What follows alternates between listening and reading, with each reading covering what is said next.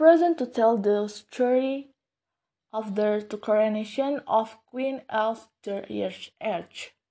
The film opens with a flashback of a childhood told by his father, this king of Arendelle, Agnarr.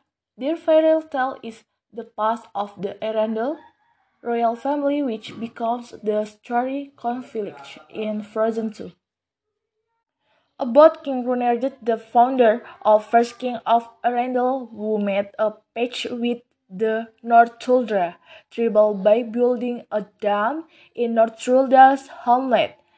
The enchanted forest, however, a fight broke out and encouraged the spirit of earth, first air, and water that inhabited the forest.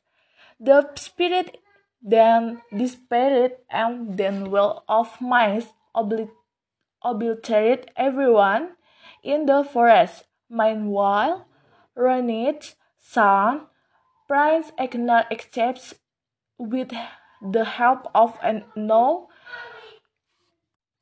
sapphire from the Northuldra tribe.